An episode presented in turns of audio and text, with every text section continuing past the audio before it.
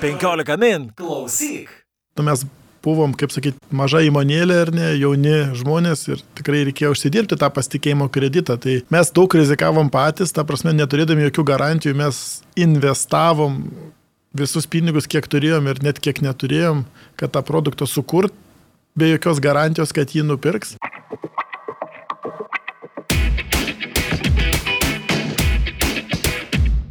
Kaip startuoliai keičia pasaulį? Kokius produktus ir paslaugas kuria lietuviški startuoliai ir kaip jie susiję su globaliomis tendencijomis? Sveiki, esu Lukas Keraitis ir čia laida Technotronika, kurioje kalbinu lietuviškus startuolius. Šiandien laidoje kalbėsime apie pim pau pau pau lazerius, ne tuos, kur žvaigždžių karuose visi yra matę, bet apie kiek žemiškesnius, bet taip pat lietuviškus pagamintus čia pat. Šiandien kalbinsiu įmonės brolis Semiconductors bendrai kuriejus, brolius Augustiną ir Kristijoną. Sveiki. Labą dieną. Gal atskirai balsus norisi išgirsti, Augustinai. Labą Sveiki, dieną. Augustinai ir sveiki, Kristijonai. Sveiki. Dar trūksta jūsų brolio Dominiko, būtumėt visi trys broliai e, Visbarai. E, Ar galėtumėte trumpai pristatyti, Augustinai, Kristijonai, kuo skiriasi jūsų veikla? Ar jūs ten taip esat persipinę broliai, kad na, nebeatsiskiriat, kur kieno veikla prasideda ir baigėsi? Mes esame pakankamai pasidalinę vaidmenimis kompanijai, tiek aš, tiek Kristijonas, mes abu atsakom už technologijų sritį. Tiesiog tom technologijų srity kūruojam šiek tiek kitas sritis, tai Kristijonas atsakingas už ten epitaksinę technologiją, e, aš labiau prižiūriu pačią jutiklio technologiją ir ten šiek tiek lusto technologiją. Tai mes roliam pasidalinę gana aiškiai, sakyčiau taip. Mhm. Aš gal trumpai dar priminsiu, visiems papasakosiu, ką aš atkasiau, kas yra brolis semiconductors. Tai jūs specializuojatės tokiuose srityse kaip nanotehnologijos, ilgabangių, il- ilgabangių puslaidininkių lazerių kūrimas ir gamyba, veikla susijusi su puslaidininkių technologijomis, bet iš esmės jūs gaminat ne tik lazerius, bet turbūt pirmiausia lazerių lustus, jūsų kūriamus lazerinius žymeklius ir žvalgų sistemas dabar jau perka Kanados, Didžiosios Britanijos, Prancūzijos ir kitų NATO šalių kariuomenės. Padalinius turite Didžiojoje Britanijoje ir Belgijoje, dirbate ir Šveicarijoje, Münchene, taip pat jums priklauso keliolika jungtinių valstybių pat, patentų. Ir taip pat įdomus faktas, vienas naujausių jūsų produktų, maždaug e, 50 tūkstančių eurų kainuojanti žvalgų sistema, a, Prancūzijos lab, laboratorija, karinė laboratorija pripažino geriausią naktinio matymo skaitmeninę sistemą. O jūs esate įsikūrę nuo 2011 metų, dabar dirba 25 darbuotojai ir tas įdomusis faktas, kad tai įkūrė trys broliai - Augustinas, Kristijonas, Dominikas Visbarai. Norėčiau papildyti truputį apie mūsų įmonės, tai nuo pernai metų mes atskyrėme dvi veiklas į, į atskirus juridinius asmenis, tai atsirado Brolis Sensor Technologies įmonė, kuri e, užsiema būtent jutiklio technologiją, ten šiandien dienai dirba apie 20 žmonių, tai dalis, didžioji dalis Lietuvoje ir kita dalis yra mūsų Belgijos padalinį, Gente. Ir kitas juridinis asmo yra brolis Semiconductors, kuriame vystoma gynybos produktų veikla, tai susijęs visos elektropinės sistemos. Tai ten šiandien dienai Lietuvoje dirba apie 30 žmonių ir dar yra nedidelė komanda Junktiniai karalystiai. Mhm. Tai e, viską tikrai su, su, sugaudyti, supainioti, galiu šiek tiek ir supainioti. Ir iš esmės broliai čia jau beveik gaunasi konglomeratas šioks toks įmonių. e, Taip, taip ir ko užsiimat. Is- Istoriškai taip susiklostė, kad iš, mes pradėjom kaip komponento įmonė, nu, vat, kur jūs perskaitėte, aš nežinau, gal tai iš 2012 metų kokio nors rekvizitai LT aprašymo, kur kad mes pradėjom, įkūrėm tą įmonę kaip puslaidininkinių komponentų, ilgabangių lazerių e, gaminimo, e, nu, gamybos įmonė, bet jau po metų e, priemėm strateginį sprendimą eiti labiau vertikalios integracijos kryptimi, tai reiškia, kad vietoj komponentų siūlyti galutinį produktą arba jau kažkokį aukštesnės pridėtinės vertės produktą. Taip pas mus atsirado gynybos sektorius ir tas pats komponentas išsivystė į sensoriaus padalinį ir šiandien pernai metais atsiskyrėm tai į dvi atskiras įmonės. Tai tiesiog taip natūraliai susidėliojo. Bet e, įkurti gamy, gamyklą, na, užsimti lazerių gamyklą, tai čia ne, ne tikrai ne internetinė parduotuvė sukurti. Kasgi vis, visgi jums yra sunkiau e, vis dar? Ar tai yra verslo pusė, kaip tos lazerius parduoti, jų, jų produktus parduoti, ar visgi ta technologinė pusė, e, kurie daugiau iššūkių yra? Ar sukurti naują produktą, ar visgi jį parduoti? Parduoti yra didelis iššūkis technologinius produktus. E, Pačios technologijos, jos aišku yra sudėtingos savo prigimtimi, bet nu, mes esam technologai. Pas mus dirba e, tikrai profesionalų komanda ir tai yra problemos, kurias mes sprendžiam kasdieną, tai yra mūsų duona, o pardavimai yra visą laiką, kaip sakyt, sudėtingiausi dalykai. Mhm. Ar galėtumėte pateikti kelis pavyzdžius, kur naudojami jūsų kuriami lazerių lustai? Reiktų vėl turbūt atskirti pagal veiklas ar ne, tai mes kur gynybos rytyje gaminam jau galutinius produktus, tai yra įvairiausi lazeriniai žymekliai, stebėjimo sistemos, naktinio matymo prietaisai, tai mes principė didžioji dalis visos mūsų produkcijos ten skirta, tai vadinamam tam individualiam kariui, tai reiškia susijęs su individualaus kario, reiškia, na, ta visa specifika ten ar kad jis galėtų geriau matyti naktį, toliau matyti naktį, na visas katės pelės žaidimas. Ten mūsų specifika yra tikrai gana inovatyvus, unikalus sprendimai, kur mes sugebam padaryti tam tos prietaisus, kad jie, na, savo techninės parametrais būtų ar pranašesni, ar ten bent tokie patys, bet kaina būtų geresnė, ar lengvesnė, na, visi tie dalykai, kurios kurie yra aktualūs jau toj rinkui. Dabar, jeigu int jutiklio technologiją, tai ten mes jau čiupinėjom tą visą, ten tokia yra gana generinė sensorius platforma, kuri gali būti taikoma daugelį vertikalių. Mes ten išnaudojam tą mūsų, nu, didelė dalis mūsų patentų yra apie taip vadinamą itin plačiai derinamą lazerinį spektrometrą lustę. Tai ten mes šiandien dienai fokusuojamės patys labai į biojutiklių tą segmentą, kur kūrėm ten naujos kartos lazerinius spektrometrinius, aiškiai, biojutiklius, bet lygiai taip tuo pačiu principu, ten principė su tais pačiais lustais mes galime daryti įvairiausių industrinių dujų, irgi sensingą, tą tai vadinamą jutikliams tenais, ar automobilių pramonį, ten koherentinius lidarus ir taip toliau, ir taip Mhm. toliau. Tai, Na, paprasčiau pasakius, kam galėtų būti tie jutikliai, biojutikliai panaudojami? Nu tai tarkim, mes taikom į tam tikrų kraujo metabolitų koncentracijų kitimų e, registravimą bei pačių molekulių specifinį registravimą, tai gliukozė, laktatai, šlapalas, e, alkoholis ir ne, taip toliau ir panašiai, tai čia iškas žmogui suprantama. Bet e, iš esmės tie spektroskopiniai jutikliai yra pagristi tuo, kad e, lazerio generuojama šviesa, jinai papuola į rezonansinę molekulę sugerti ir kaip sakyti, dažnis sutampa su molekulės virpesių, ten rotacinių, vibracinių dažnių ir tada galima vykdyti tą patį, kaip sakyti, jutiklio funkciją ir nustatyti, kokia tai molekulė, tai yra kaip piršto anspaudas ir kiek tos molekulės yra to, kažkokioje terpėje. Nu tai automatiškai tai atveria aibę taikymų nuo ten, tarkim, jeigu dujų jutikliai, ten metano, CO2, CO, e, dujų kitimų kiekio monitoringo iki industrinių procesų kontrolės ir ten kraujyje visokių metabolitų kitimus ir taip toliau ir panašiai. Nu, tai čia yra tokia platforminė technologija su aibė taikymų. Mhm, tai kaip suprantu, tie keli tie taikymai, tai yra tiek medicina, tiek biotehnologijos, tiek pramonėje gali būti gamyklose ar ne, panaudojami jūsų jutikliai. Taip, nes iš esmės mes taikome CH, NH, OH e, molekulių, reiškia, virpesius tų junginių ir, ir, ir tai yra kaip būtent papuola visas tos Aha. molekulės. Ar kai kūrėte, na, kai pradėjote įmonę, ar taip ir numatėte, kad uh, nemažai gaminsite su karinėmis technologijomis susijusių produktų uh, karybai skirtų prekių? Tai iš esmės taip, mums tai buvo akivaizdu tam spektriniam ruožė, kuriame mes dirbam. Na, priminsiu, mūsų specifika yra, kad mes su savo pusudininkais sugebam generuoti šviesą tam tikram gana specifiniam spektriniam ruožė, tai, tai grubiai nuo 2 mikrometrų iki tenais, nu, nuo, nuo 1,8 iki 3 mikrometrų kuris yra sudėtingas ruožas, bet jo taikymai, kad tai yra gynyba, kad tai yra tie patys jutikliai, tai, tai buvo žinoma seniai, tiesiog neegzistavo kompaktinių šviesos šaltinių technologija tam. Tai va, mūsų ir buvo ta idėja, kad komercializuoti šitą naują technologiją. Aha, lazerinis žymeklis yra vienas iš jūsų produktų. Kas tai yra? Man atrodo, ne visi tai įsivaizduoja. Šiaip primityvus prietaisas, tai yra kaip, ką žinau, pointeris, lazerinis kažkoks, tai nebūtinai veikiantis matomam spektriniam diapazone. Tai tiesiog prožektorius su siauru kolimuotu spinduliu, kuris gali per didelį atstumą apšviesti, nurodyti taikinį ar ne, nu tai va, Mhm. ir prašau. Bet jį, kaip suprantu, mato, na, tavo ar ne, Tai jau tavo- čia yra technologijos reikalas, tu suderini su kokiom naktinio matymo priemonėm naudojasi tavo pirkėjas, tai gali būti konvencinės, tai gali būti nekonvencinės priemonės, čia jau skonio reikalas, ta prasme, bet pats prietaisas savaime, nu tai jis toks yra sakyčiau, ne, ne Elementarus, ar ne? Paprastas. Taip. Ir su kokiais iššūkiais susidurėte dėl to, kad dirbate su karinėmis technologijomis? Lietuvoje tokių kompanijų ne, tikrai yra kelios, bet net tiek ir daug. Ar na, kažkas yra specifiško dėl to? Ar turite tiesiog daugiau paslapčių, e, kurias turite įdėmiau saugoti, ar galbūt kaip tik, ne, na, galbūt kažkurie tikėjai nenori su jumis dirbti, ar taip sunkina, na, kad kažkas išgirsta dirbat su karinėm technologijom, gal kažkam tai nepatinka? Tai Taip, nu kaip, kiekviena rinka turi savo specifiką. Žinoma, kad gynybos e,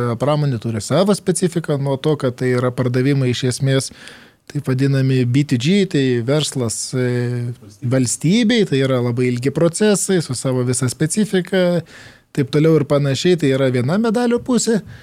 E, bet, nu, taip yra ir tiesiog tu su tuo gyveni, tu negali pakeisti tų procesų, todėl eini su ta srove, o Ar tai turi ir neigiamą atspalvį? Taip, vakaruose šiandieną yra madinga, kad e, gynyba, visa karinė pramonė yra labai blogai, yra tokia purvina ir negraži, tai su tuo tenka susidurti, tai kad tai tiesiogiai kažką paveiktų, tai ne, apart to, kad ten kažkam galbūt ten, nežinau, pulsas sutankėja, kažkas ten įsižydžia, paraudonuoja, dar kažką, bet toks, man tai tie dalykai, kaip sakyt, man mes pasukom savo įmonės vairą 2014 metais gynybos sritimi kurti galutinės sistemas.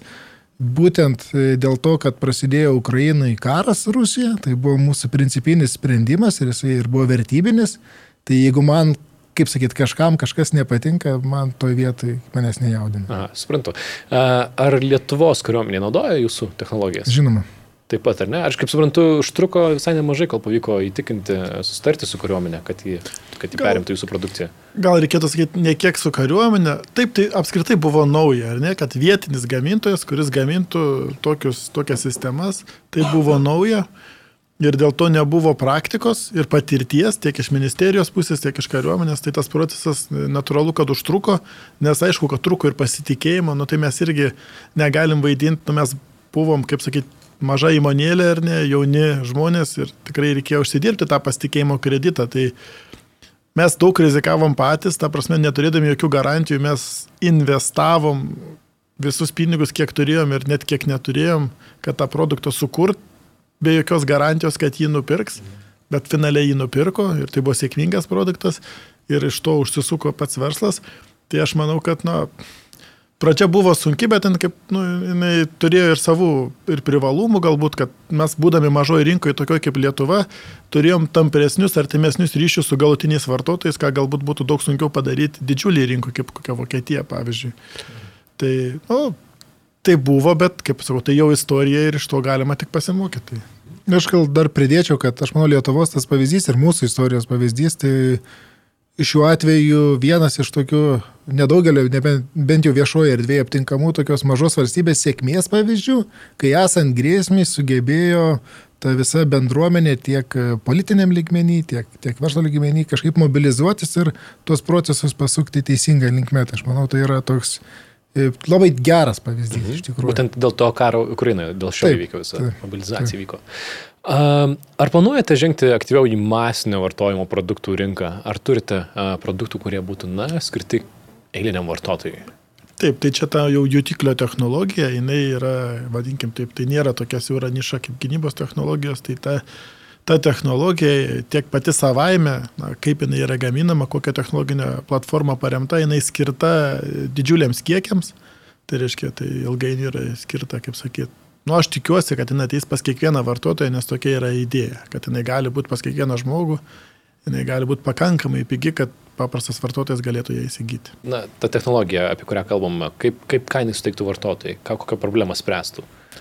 Tai yra, e, jeigu kas liečia pačią kietą dalį, tai yra tiesiog optinis jutiklis, tas optinis e, matuoklis, kuris, jeigu mes kalbėtume apie bio tą jutiklį, tai jis mums matuotų vienokių ir kitokių kraujo tų sudėdamųjų dalių koncentraciją per odą, tai jis galėtų būti, pavyzdžiui, laikrodžio platformai, jis yra toks mažas, kad jis laisvai ten telpa.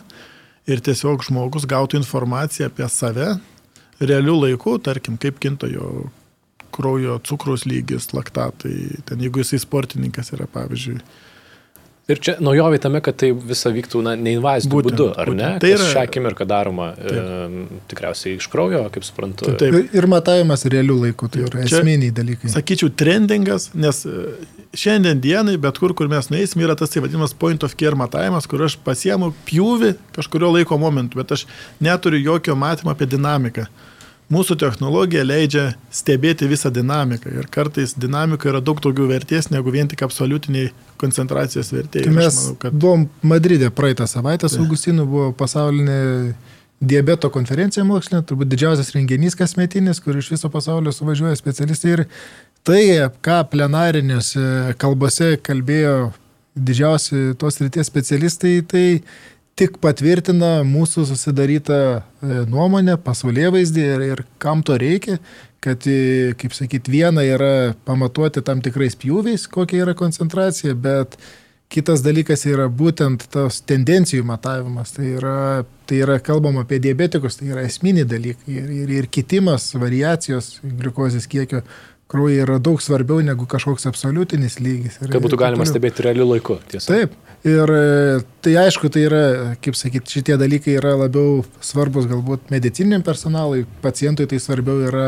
o kas iš to ar ne, tai reikia jam sukurti dar ir visą paaiškinti, mhm. kas po to slėpėsi, nes po kiekvieną molekulę slėpėsi istorija, prasme ir kam to reikia, taip toliau, nes, nu, tarkim, jum pamatuos, sakys laktatai 1,75 mmol litre, nu ir ką. Mhm. Reikia pasakyti, ką tai reiškia. Ne.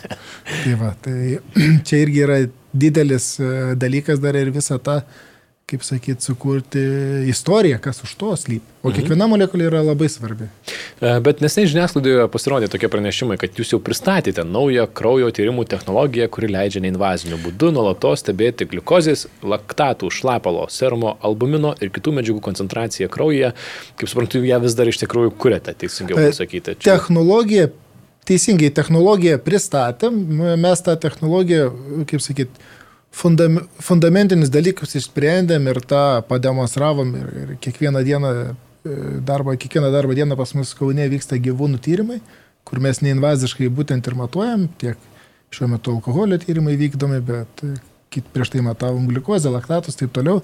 Tai jinai iš principo veikia, ko mes dar neturim ir, ir aš tą esu kelis kartus sakęs, e, tai produkto galutinio, nes ta produktizacija vyksta dabar. Tai yra kompleksinis inžinierinis ir marketinginis ir visoks koks etapas.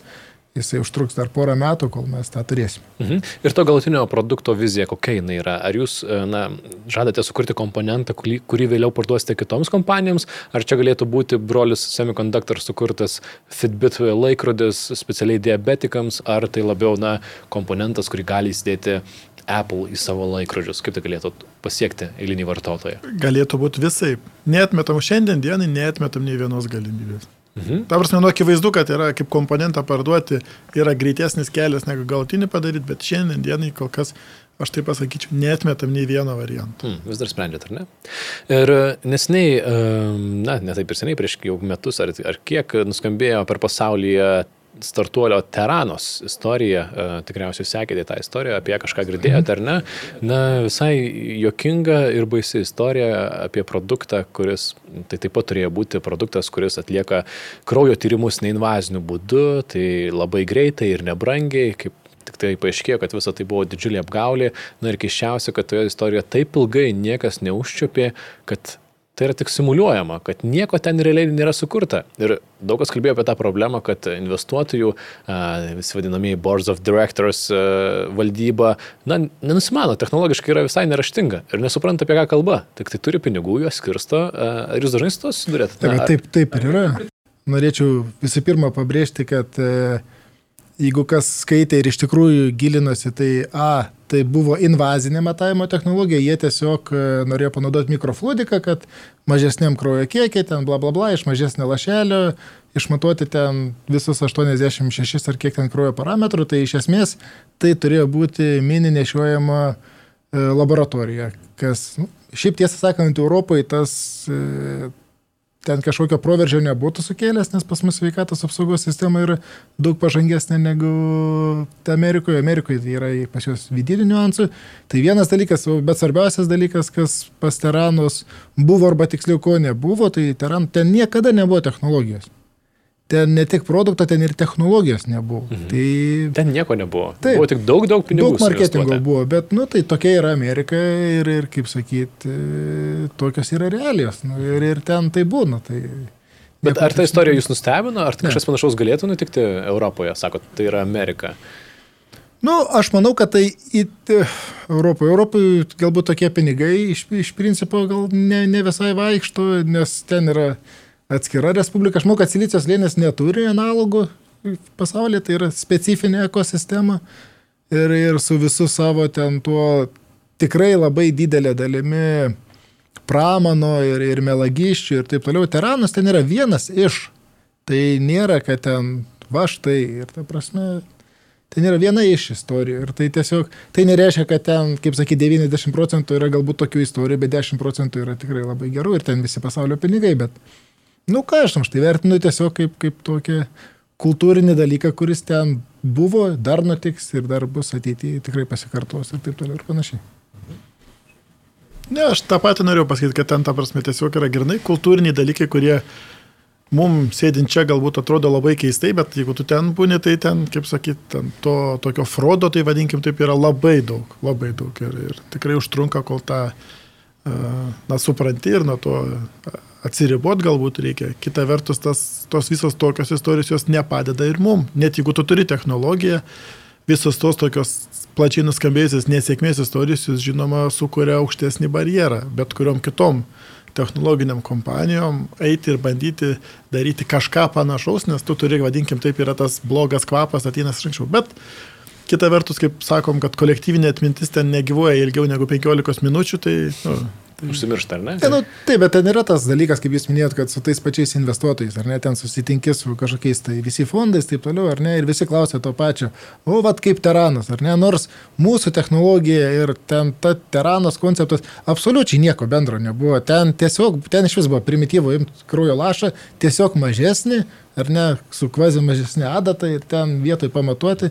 Pas mus iš vis nėra nei adatos, nei invazinio tyrimo ir mes visai nesi, nesivaikom bent bendro kraujo tyrimo laboratorijos principą. Mes sakom, mes matuosim gliukozę, laktatus, ten atskiros molekulės, atskiri taikymai, absoliučiai skirtingos galaktikos, bet visi užduoda tą patį klausimą ir ką tu beaiškintum, niekas neklauso ir vis tiek į tave žiūri jums, kaip, kaip į tokį patį Frodą. Nu ir ką, tokie, toks gyvenimas, nu tai, ką ten, kaip sakyti. Gerai, apie Taraną startuojant tikrai buvo sukelta labai daug tokių lūkesčių ir tie pinigai investuoti į jį, aš dabar tikslių skaičių neatsimenu, bet ten tikrai milžiniški, berots 8 milijardai buvo vertinamas startuolis, 8 milijardais dolerių.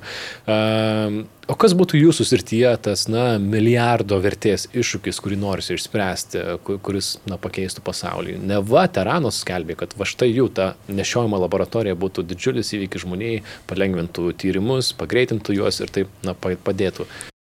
Tai aš manau, mes jį ir sprendžiam ir, ir kiekviena, kiekvienas e, kraujo metabolitas, kurį mes bandom pamatuoti, ar tai laktatai, ar tai šlapalas, ar tai gliukozė, ar tai alkoholis, turi atskirą savo iššūkį ir atskirą rinkos dydį.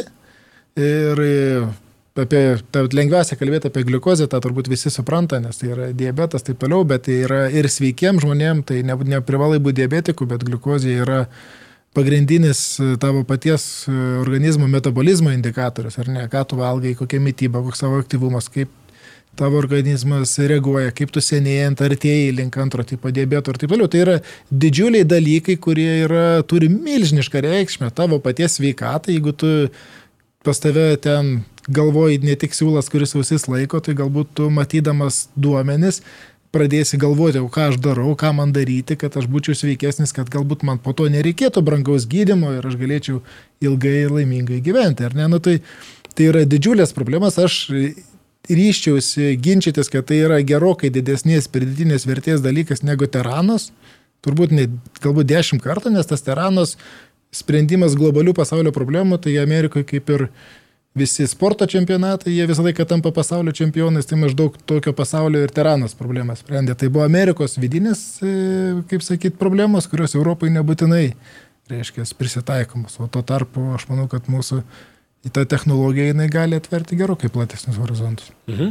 Ir jūsų, jūsų produktai taip pat prisideda prie personalizuotos medicinos, e, apie ją taip pat kalbama anksčiau, kalbama dabar, čia toks tarp, tapo taip pat populiarus e, keywordas, galima sakyti, bet iš esmės, kaip manat, ar ta personalizuota medicina, ar mes jau gyvenam tam laikotarpį, kaip galim džiaugtis, na mes turim personalizuotą mediciną, nes jos kažkiek yra, ar visgi tai laukia prie, prieš akiją ateityje mūsų, kai, kada galėsim naudotis jos privalumais? Pakomentuočiau, šiaip čia yra termino dar klausimas, nes taip kaip aš suprantu personalizuotą mediciną, tai yra labiau klinikinė savoka, kuri sako, kad Na, šiandien dienai mūsų medicina ir gydimas pagrystas iš principo generiniais vaistais, kurie neskirsto, kad nu, mes visi esame vienodi ir mums ta pati tabletė turi tą patį poveikį. Taip, Taip tikimasi. Nors yra žinoma, kad iš tikrųjų dėl na, genetinių polinkių ar kitokių reikalų nebūtinai 100 procentų populacijos lygiai taip pat pasiduoda tam vaistui ir jo gydomajam poveikiui. Todėl šiaip personalizuota medicina šiandien dienai būtent klinikiniai, ta klinikinė prasme ir sprendžia tos klausimus, kad ieškoti daryti genetinius tyrimus visos populacijos, ar tai būtų šalies, ar Europos, ar, nu, ar kontinento, ir pagal tai sudaryti atskirus guideline'us tam tikrų lygų gydimui. Bet e, tai yra tikrai dar gana toli iki tos tikros personalizuotos medicinos, nes visų pirma, tie genetiniai tyrimai yra labai brangus ir labai ilgai užtrunka, kad juos atlikti. Antras dalykas yra šiandien dienai tikrai neturime daug tokių biomarkerių, kurie vienareikšmiškai atsakytų apie vieną ar kitą ten lygą, ar ten, kaip sakyt, nu, tai būtų šimtaprocentinis biomarkeris. Labai daug yra dar ginčiamasi, koks yra geriausias biomarkeris, tarkim, nu, kokias lygas mes sprendžiam. Tai aišku, yra širdies kraujagyslių lygos, visokie infarktai, tenais ir kiti reikalai, aterosklerozės ar ne, paskui yra visi vėžiniai polinkimai ir taip toliau, ir taip toliau. Ir kiekvienas iš tų ten yra aibė biomarkerių. Ir dabar kaip atsirinkti, pagal ką, kaip spėti. Tai čia yra tikrai didžiulė diskusija ir ta diskusija, aš nemanau, jinai tikrai nevyksta plačioji auditorija, jinai vyksta tarp klinikinės laboratorijos specialistų ir dar ilgai vyks, nes tai, tai yra tikrai na, sunki, gili tema. Dabar ką mes darom, tai aš to nevadinčiau personalizuotą mediciną, nes mes negydom. Ką mes darom, mes suteikiam iš ankstinę informaciją apie kažkokius galimus nuokrypius vieno ar kito parametro, kuris galbūt tau padėtų anksčiau nueiti pas daktarą ir gauti savo, nu, tarsi tada jau jis tau darytų tikrą detalų kraujo tyrimą ir pagal tai gydytų. Ir šį čia yra labai daug vertės. Tarsi to nereikia nuvertinti, nes Na, dabartinė mūsų sistema veikia taip, kad mes pirmą turim pasijausti blogai, tada nueiti pas šeimos daktarą, tada šeimos daktaras galbūt jeigu jis patikės, kad mums iš tikrųjų blogai, nusiūs kraujo tyrimui, jeigu kraujo tyrimas par, pirminis parodys kažką, kažkokius nuokrypius, tada sakys, dar reikia išsamesnio tyrimo na, ir taip toliau ir taip toliau. Mūsų technologija galėtų atkelti kelią nu, dėl dviejų dalykų. Vienas dalykas - nueiti anksčiau, kai yra kažkoks nuokrypis. Antras dalykas - galbūt sudaryti eilę pagal prioritetą, kam reikia anksčiausiai, greičiausiai pagalbos ar ne. Kitas dalykas - turbūt sekti pacientus, kurie išėjo iš ligoninės su jau kažkokiais lėtiniais susirgymais ar kitais reikalais, kur mes galbūt padedam monitorinti jų, na, vadinkim taip, būklę, kurie, kurie yra iš principo jautresnė negu paprastam žmogui. Paprastas žmogus, aš sakyčiu, dar yra vertė ir be medicinos, ten, kad Kristijonas sakė apie visokią mytybą, kiti reikalai. Nu, tai vien pažiūrėkit, e, kaip sakyt, puokštė, alkoholis ar ne, laisvalaikis e, nemažos dalies žmonių, nu, tai yra, ta prasme, faktas, kad daug žmonių geria ir, ir tai, ar tu matodamas alkoholį dėl sveikatos, o galbūt tiesiog dėl linksmumo, ta prasme, ar tam yra rinka, aišku, kad yra rinka. Nebūtinai turi turėti prasme, ar ne? Laktatai yra tampriai susijęs su sportu, tiek e, jėgos sportu, tiek ištvermės sportu, taip toliau. Kiekvienas norintis būti profesionaliu sportininku puikiai žino apie laktatų vertę ir ką tai reiškia, treniruotumą, taip toliau.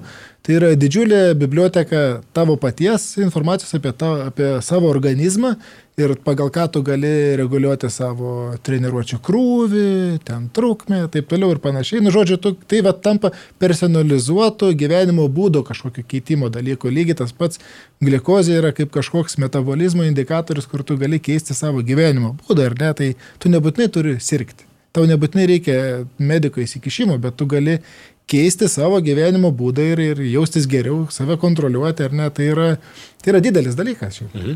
Tai kiek laiko jūsų nuomonė reikės dar laukti tokios technologijos, kuri, kuri padėtų proaktyviai sekti savo sveikatą, na tie jutikliai, kuriuos jūs kuriate, kiek dar metų reikės laukti? Mes porą, porą metų įsivaizduojam, taip, ta, pagal dabartinį mūsų visą technologinį ir ne tik planą, tą visą produktizacijos, Mes tikimės, e, jeigu viskas bus tvarkoj, apie 2022 metus jau paleisti pirmus e, produktus sensorius lygmenį, ar ne? Tai Bet, Ar- kaip suprantu, idealiu atveju tai būtų ne tik, kad jie siūstų duomenis vien tik tai šeimos gydytojui ir jūs jau nuspręsit, ką man daryti, bet jie galėtų pačiam vartotojui parodyti, kas vyksta su jo kūnu Taip, taip, ir jam taip. pačiam padėti priimti sprendimą, taip.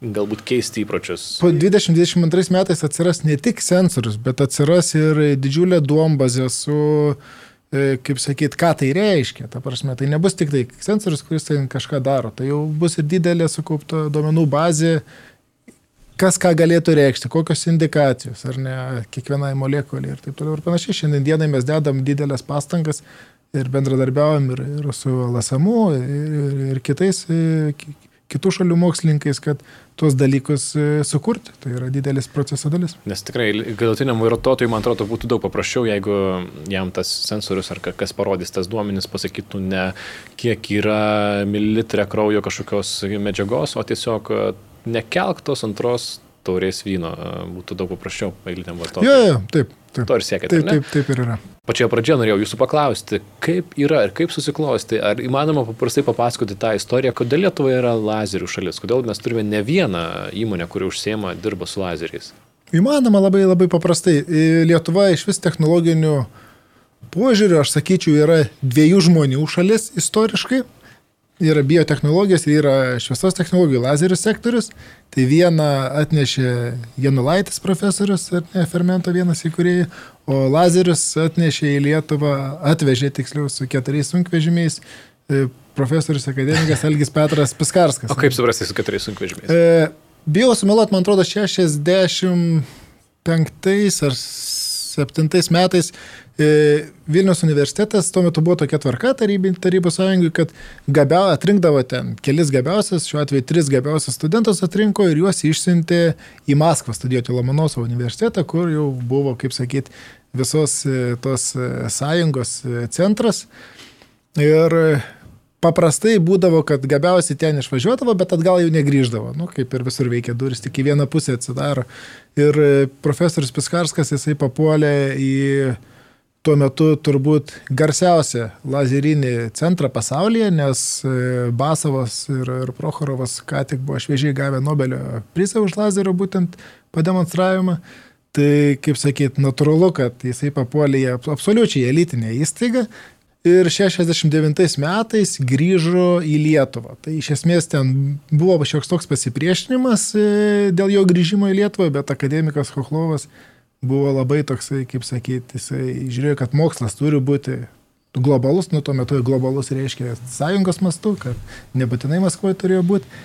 Ir pavyko suderinti taip, kad ta technologija atvažiavo į Lietuvą Vilnių ir įsikūrė tai, kas šiandien dienai vadinasi lazerinių tyrimų centras. Ir tas davė visą pagrindą visom įmonėm ir technologijom. Mhm. Tai iš esmės dviejoms asmenybėms esame dėkingi už tai, kad jie sukūrė šitus du sektorius Lietuvoje. Tai reiškia, kad jeigu būtų atsiradusi trečia asmenybė, turėtume trečią sektorių galbūt metu. Aš, aš vienareikšmiškai manau, kad žmonės, tai yra asmenybės, kurie buvo patys svarbiausi. Kitas svarbus e, aspektas buvo tai, kad tuo metu jie tikrai mokėsi ir dirbo aukščiausio lygio mokslo institucijose. Aš tą kartoju nuolat, kad geros technologijos, pasaulinio lygio technologijos, jos gali atsirasti tik iš pačio aukščiausio lygio mokslinio rezultatų.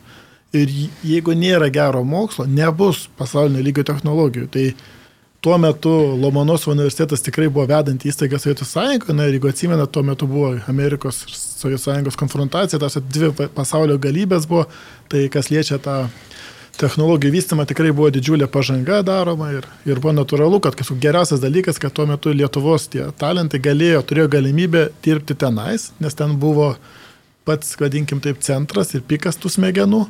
Lygiai taip pat šiais laikais mes turim neužsidaryti už sienų ir turim išnaudotą galimybę iš Lietuvos išvažiuoti ir mokytis geriausiose pasaulio įstaigose. Aš manau, čia esminis dalykas. Lygiai taip pat mes su broliu, mūsų technologijos yra kitokios. Mes yra puslaikių technologijos. Mes jas atsivežėm kartu iš Vokietijos grįžę. Ir tai yra labai svarbu paminėti, nes Vokietijoje mes dirbom tikrai elitiniai grupiai, tai buvo vedanti grupė pasaulyje, tų konkrečiai lazerių. Profesorius Amanas buvo vienas iš pionierių puslaikinių lazerių technologijos. Ta prasme, tai, nu, aš tik noriu pasakyti, kad tikrai žmonės yra esminis raktas į šitą dalyką. Ir mes niekaip to nepasieksim, vien tik tai pildami pinigus, pirkdami aparatūrą, be žmonių tai niekas. Mhm. Tai e, Lietuvoje reikėtų daugiau tokių žmonių, kurie išvyksta į tas pres- prestižinės e, vietas ir paskui kažkokiu būdu taip pat ir sugrįžta čia, ar ne? Tai iš- galima būtų suderinti ir su kokiu nors strateginiu, pavyzdžiui, ar, ar finansavimu, ar kažkuo, ar ne. Tai visų pirma, Lietuva aišku, kad nori turėti geriausius žmonės pas save, bet neturi nei strategijos, nei įsivaizdavimo, kaip tą padaryti. Nu, tai geriausi žmonės čia tikrai neliks tiesiog, nes jie važiuos, darys savo dalykus, jeigu tu nori tą suderinti su strategija, tai jinai turi atsirasti. Ir tada jau yra klausimas, greičiausiai tai yra ir pinigų klausimas, kaip padaryti, kad tie žmonės išvažiuotų, įgytų kažkokių tai žinių ar ne, įgūdžių ir tada grįžtų ir kažką kurtų. Nu, bet tai jau reikalauja turbūt procesų, kurie trunka ilgiau negu viena kadencija ir, tai yra arti neįmanoma įgyvendinti. Mhm. Tai aš kaip tik ir norėjau paklausti, kaip, kaip Jūs matot, kaip tai turėtų būti gyveninama, čia beprotiškai sunkus klausimas, tai gal paprašiau, e, ką palinkėtumėt tiems sprendimų prieimėjams, koks būtų Jūsų palinkėjimas, ko palinkėti, kad tokių įmonių kaip Jūsų, tokių startuolių, nišinių, bet labai įdomių Lietuvoje būtų daugiau. Nu, ko palinkėti? Palinkėti vieną kartą galbūt prisėsti ir, sustrateguoti ir sudėlioti tą strategiją, nu ką Lietuva nori matyti pas save, kaip jin save įsivaizduoja, ar tai bus agrarinė šalis, ar tai bus aukštųjų technologijų šalis. Jeigu tai bus aukštųjų technologijų šalis, tai tada susidėlioti strategiją nuo mokestinės, kuri šiandien yra neegzistuojanti, jokių lengvatų neturi technologinis startuolis ir praktiškai joks startuolis neturi jokių mokestinių lengvatų kas yra visiškas kontrastas su Belgija, Vokietija, Austrija ir taip toliau. Nu, ta prasme, pas mus startuolis yra kaip bet kokia didelė įmonė. Tai iš karto mauna kelnes ir, ir taip toliau. Ir po to stebėsi, sako, žiūrėkit, pas mus nesusikūrė jaunų įmonė, sako. Nu. Tai kaip susikurs, jeigu sunku išgyventi.